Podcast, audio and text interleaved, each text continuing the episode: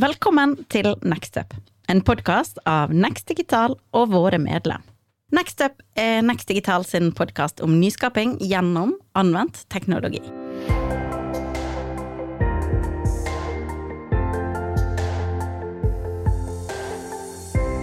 Hei, eh, hjertelig velkommen til eh, episode seks i vår eh, trendserie. Vi har jo nå spilt inn fem tidligere, og vi, egentlig så er det en logisk rekkefølge dette her, fordi det bygger opp under disse tre temaene som vi har hatt rundt data, agility og smart. Og tema nummer seks hører til da i gruppa agility, som egentlig er det å være rask og snu seg, det å bruke mulighetene og ha en endringsagenda som støttes av digitalisering på en god måte. Eh, og Temaet i dag er da Decision Intelligence, som er eh, Dette her med å være smart eh, og intelligent er jo noe vi mennesker ønsker å være på veldig mange måter. Og det å kan vi si, bruke det digitale til å støtte den intelligensen eh, når vi skal ta beslutninger, er det det dreier seg om. Eh, det er en ganske lang beskrivelse på hva egentlig decision intelligence er. Og for dere som er interessert i å lese detaljene her, så er det grunn bare å gå på nettsiden og se beskrivelsen. Eh, men det er liksom en praktisk disiplin for, for å forbedre beslutningsstøtte. Altså for å ta bedre beslutninger, mer kvalifiserte og bedre beslutninger. Eh, og du kan si Det er et rammeverk for å sette sammen mange forskjellige teknikker for å støtte med digitale eh, løsninger som kunstig intelligens og automatiserte rutiner, slik at beslutninger kan tas med hjelp av støtte fra dette, eller helautomatisk eh, i forskjellige typer virksomheter. når du ser at beslutningene dine begynner å bli si, dårlige, altså du tar beslutninger, og så blir resultatene ikke sånn som forventa, Eh, og du ser gjentatte ganger mønster på at det er ikke nok med den kunnskapen du har sjøl, så må du begynne å finne mer grunnlag for å ta gode beslutninger. Og eh, Jeg skal ikke gå inn i detaljer på denne sliden, her, fordi det, det, kan dere lese senere. Men, men det er noen signal dere må følge med. at det, Når vi opererer som virksomhet, så tar vi beslutninger hele tida. Eh, og om det er interne beslutninger eller eksterne beslutninger, så er det på grunnlag av den fakta man har tilgjengelig. Og Det å samle fakta, samle informasjon, slik at beslutningene blir bedre og bedre, blir mer og mer krevende. For det er så mye du skal ha rede på. Og det å automatisere det blir veldig viktig. Og da er det jo, eh, Gartner prøver jo å beskrive det her på en slik måte at eh, det kan settes sammen eh, intelligent, men det bygger på kan man si, grunnleggende teknologi som er tilgjengelig i dag. Det er ikke noe som er nytt her, men det er veldig mange nye måter å jobbe på. Så det er ingen som har dette ferdig i dag. Men dette med composable applications snakka vi om i forrige episode. Og dette er jo egentlig en av grunnpilarene i det å være komponerbar. Dvs. Si at dataelementer som du trenger for å gjøre forskjellige ting, om det er i applikasjoner eller i arbeidsprosesser eller si, som bare for å kunne lese seg til fakta, så bruker man egentlig å sette sammen disse informasjonsbildene. og så støtter det informasjonsbildet mennesket, som dere sier, eh, til å kunne gjøre, gjøre eh, riktige beslutninger. Og den kunstige intelligensen, som er da den støtter som mennesket og den kunstige intelligensen skal jobbe sammen. Men begge har samme datagrunnlaget. Den kunstige intelligensen vil lære å ta inn over seg det som har vært gjort før, og det mennesket vil gå inn og så lære opp eh, det kunstige, slik at man utvikler seg sammen. Den kunstige husker alltid det som har vært gjort, på en slik måte at mennesket som lett glemmer, blir påminnet. Nå må du huske på. Ja, og så når det blir det kunstige godt nok, så kan du automatisere. Så Poenget er altså å bruke data som du har tilgjengelig, ta riktige beslutninger, teste om beslutninger var gode, eh, lære og så forbedre. Og både mennesket og det kunstige skal utvikle seg sammen. Og Klarer du å få dette her inn og bruke de dataene så Vi starta jo i første episode med Data Fabric, altså datamønster eller datanettverk som du skal ha tilgjengelig. Så har vi satt det sammen, og på en sikker måte så gjør vi dataene tilgjengelig. Så komponerer vi løsningene, og nå er det kommet tida til å komponere informasjonen slik at det blir intelligent satt sammen, så vi kan ta intelligente, gode beslutninger. Her ligger da, kan vi si, eh, en eh, masse informasjon som dere kan lese om denne trenden. Eh, og det er jo dette her med at det er connected, altså det, du har tilgjengelig informasjon. Eh, contextual, som er, gjør at du, eh, det er satt i en sammenheng, slik at du har tillit til at din informasjon er riktig, og så kontinuerlig. Det vil si at det, det, det forbedres kontinuerlig. Du, det følger med, slik at det, det er ikke statiske informasjon som var der. Så du sier ja, nå har det skjedd noe, så vi er usikre på om det er riktig data lenger. De er kontinuerlig oppdatert. Læringa kommer tilbake, slik at beslutningene kontinuerlig skal forbedre seg og bli bedre og bedre, slik at du kan måle det. Samspillet mellom maskin og menneske varierer alt etter type. Eh, og Det må man også forstå. Når er maskiner i førersetet og mennesket støtte, og når er mennesket i førersetet og maskinlæringa støtte. Dette settes sammen da kan du si, i Decision Intelligence på en slik måte at det, er, det gir beslutningsstøtte, som de fleste jobber med i dag. Og så Decision Augmentation, som betyr at det, du utvider din egen intelligens og kompetanse med støtte fra den kunstige intelligensen. Og så er det Decision Automation, som blir helautomatisering, der eh, den kunstige intelligensen brukes Eh, du kan starte med veldig enkel maskinlæring at prosessen bare automatiseres, og så gjøres beslutningene. Og så kan du få inn lærerfunksjon, slik at det blir intelligente beslutninger basert på en dialog med en kunde eller med interne ansatte, eller hva det måtte være.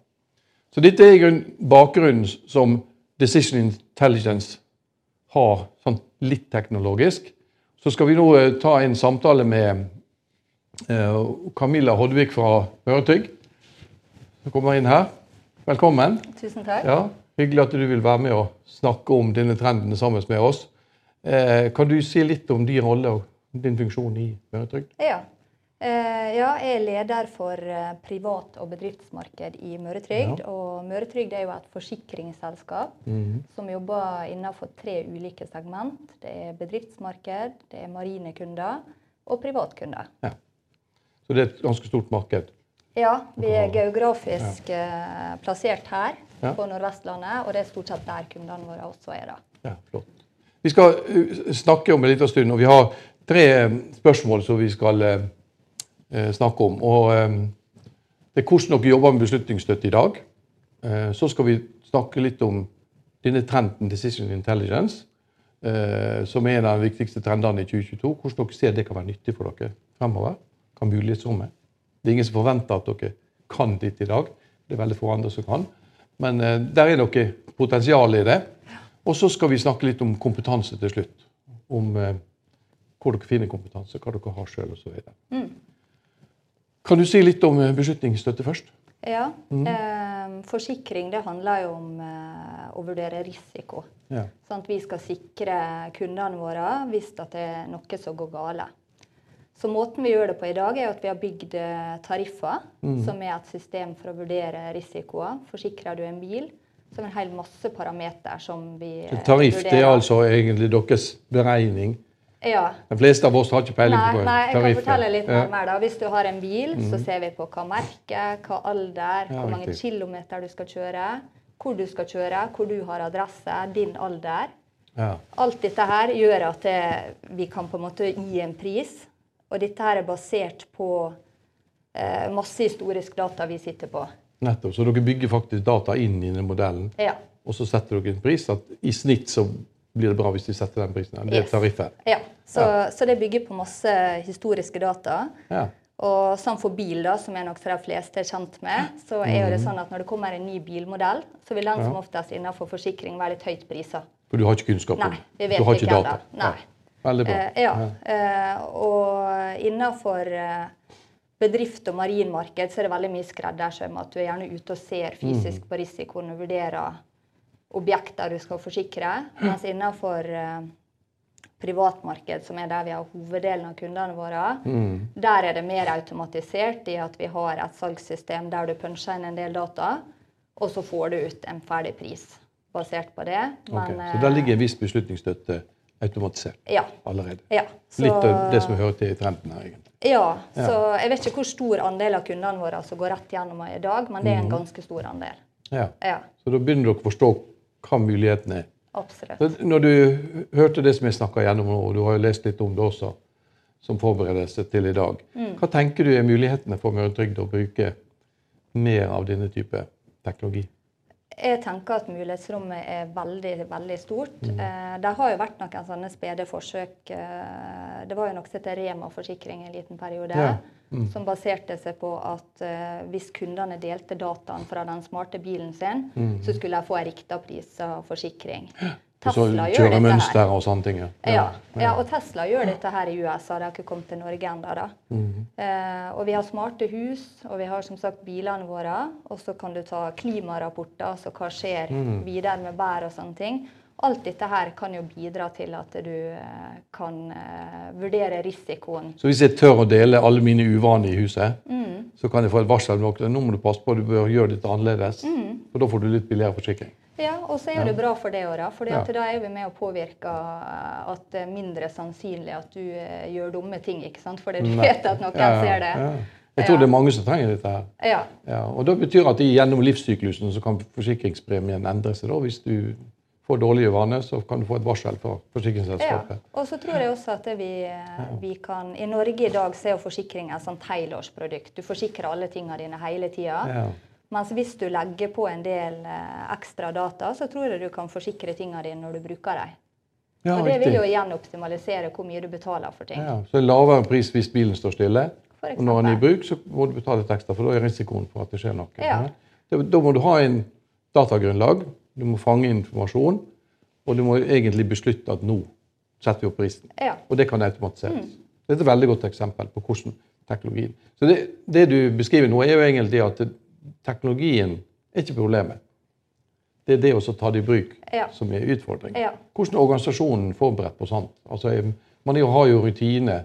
Hvordan er endringsviljen i organisasjonen til å ta sånne ting inn?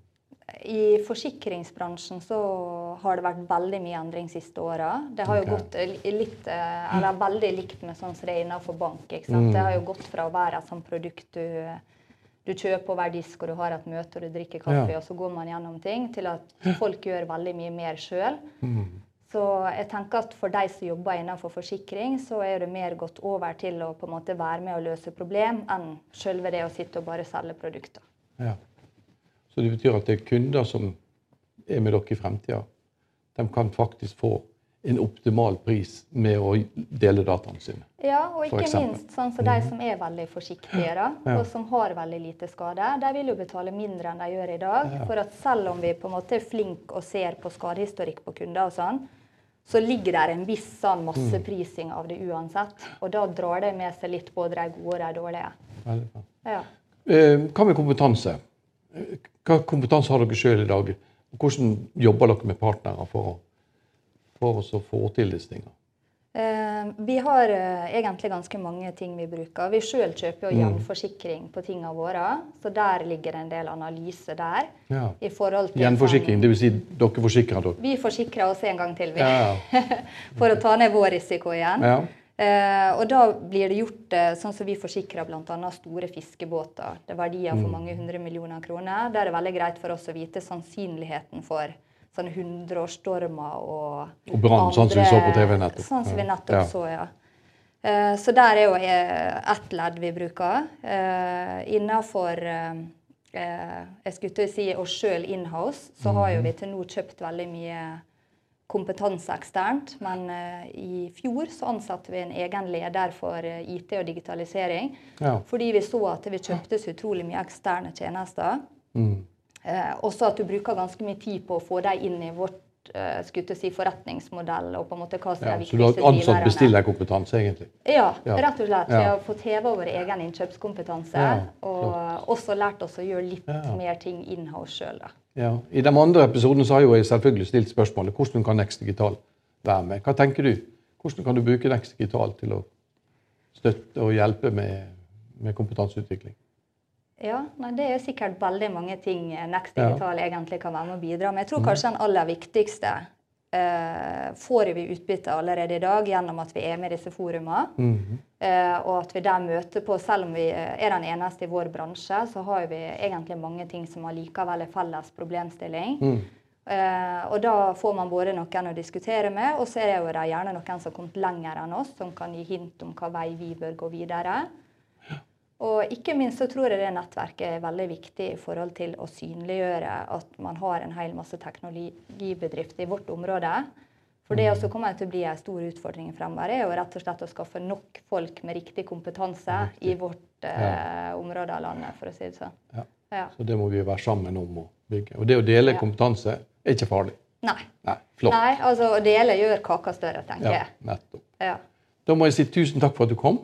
Turte å stille opp og snakke om et tema som er teknologi, men anvendelsen. Og Det er jo det som er hele poenget, at vi skal anvende teknologien. Og for dere som lurer på ting, og er det ting som kanskje er uklart, så er det bare å ta kontakt. Eh, og så formidler vi grunnlaget for disse temaene, som vi har sagt tidligere. Takk for i dag.